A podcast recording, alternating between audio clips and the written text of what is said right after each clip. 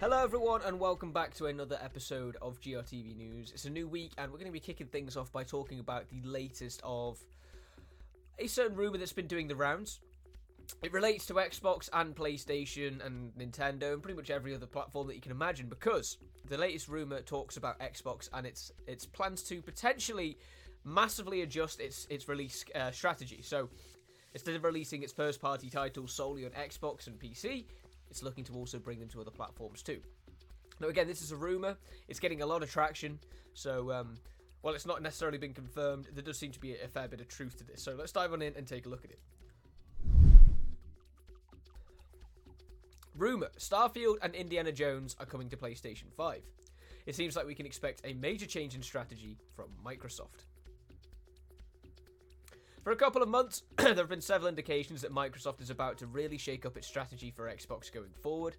This includes insiders claiming that Hi-Fi Rush and Sea of Thieves would be coming for PlayStation 5 and or Switch, but also Xbox CFO Tim Stuart who said back in November that we should expect Microsoft games on every screen that can play games. At the time, it did seem that, that related to cloud gaming, but um, it seems like it's uh, it's got deeper connotations to it. Uh, well, it seems like they mean business. Several insiders now claim that we can expect Microsoft to really make an effort with its multi platform releases, and the user Idle Sloth says in a now revoked X post, we can expect the X team to communicate the strategy going forward in late February slash early March. Some of the titles expected to be part of this is Starfield, which was released back in September, but also Bethesda's upcoming games like Indiana Jones and the Great Circle, and the next id Software title, widely believed to be a new Doom. If this means every game will be multi-platform from now on, or if it is a selection or of some other kind uh, of plan remains to be seen, but there is usually no smoke without fire, and there have been a whole lot of smoke lately. Uh, we're also interested to see how Xbox consoles and Game Pass fit into all of this, as Game Pass probably won't be allowed on either uh, on either PlayStation 5 or Switch. Uh, yeah, so it's quite interesting. This, um, I would assume that if this is going to be the case, we're not going to see, um, or may- maybe they're going to treat it similarly to what PlayStation does with PlayStation and PC games, where usually new first-party titles come to PlayStation and then they move to PC after a short while. With um, Xbox, wouldn't surprise me if they do something similar with PC, uh, uh, with uh, with PlayStation. Sorry, in that they come these games they launch on on Xbox and maybe PC as well, and then in time they come to PC, uh, to PS4, sorry, or PS5. Uh, there are certain rumors going around in regards to this as well. That for Starfield, for example, um, it's not necessarily gonna the game. It doesn't necessarily mean the game's gonna be coming to PlayStation right away.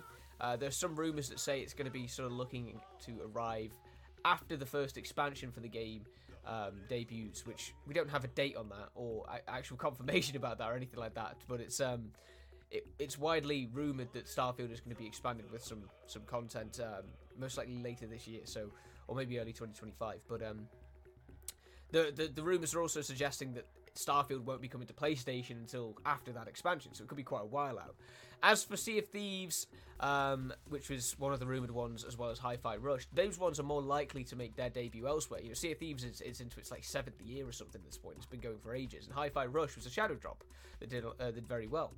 Um, but I would assume that the sort of big first-party titles, like a new Doom, like Indiana Jones, uh, like Starfield, like some other things that they've got planned later this year, I would assume that they will eventually come to PlayStation, maybe Switch if the console can handle it, or the Switch successor. Uh, but I would assume that it's not going to be something instantaneous. But either way, the rumours are all suggesting that we're going to hear more about this from the Xbox team in sort of spring this year. So uh, it should be too long until we get firm answers in regard to this. But I do think this is something we're going to be seeing because Xbox knows that they lost the console race and the console fight years ago. Uh, they can't keep up with PlayStation or Nintendo in regards to shifting hardware. So why not bring your games to those platforms and just look to uh, to take advantage of them?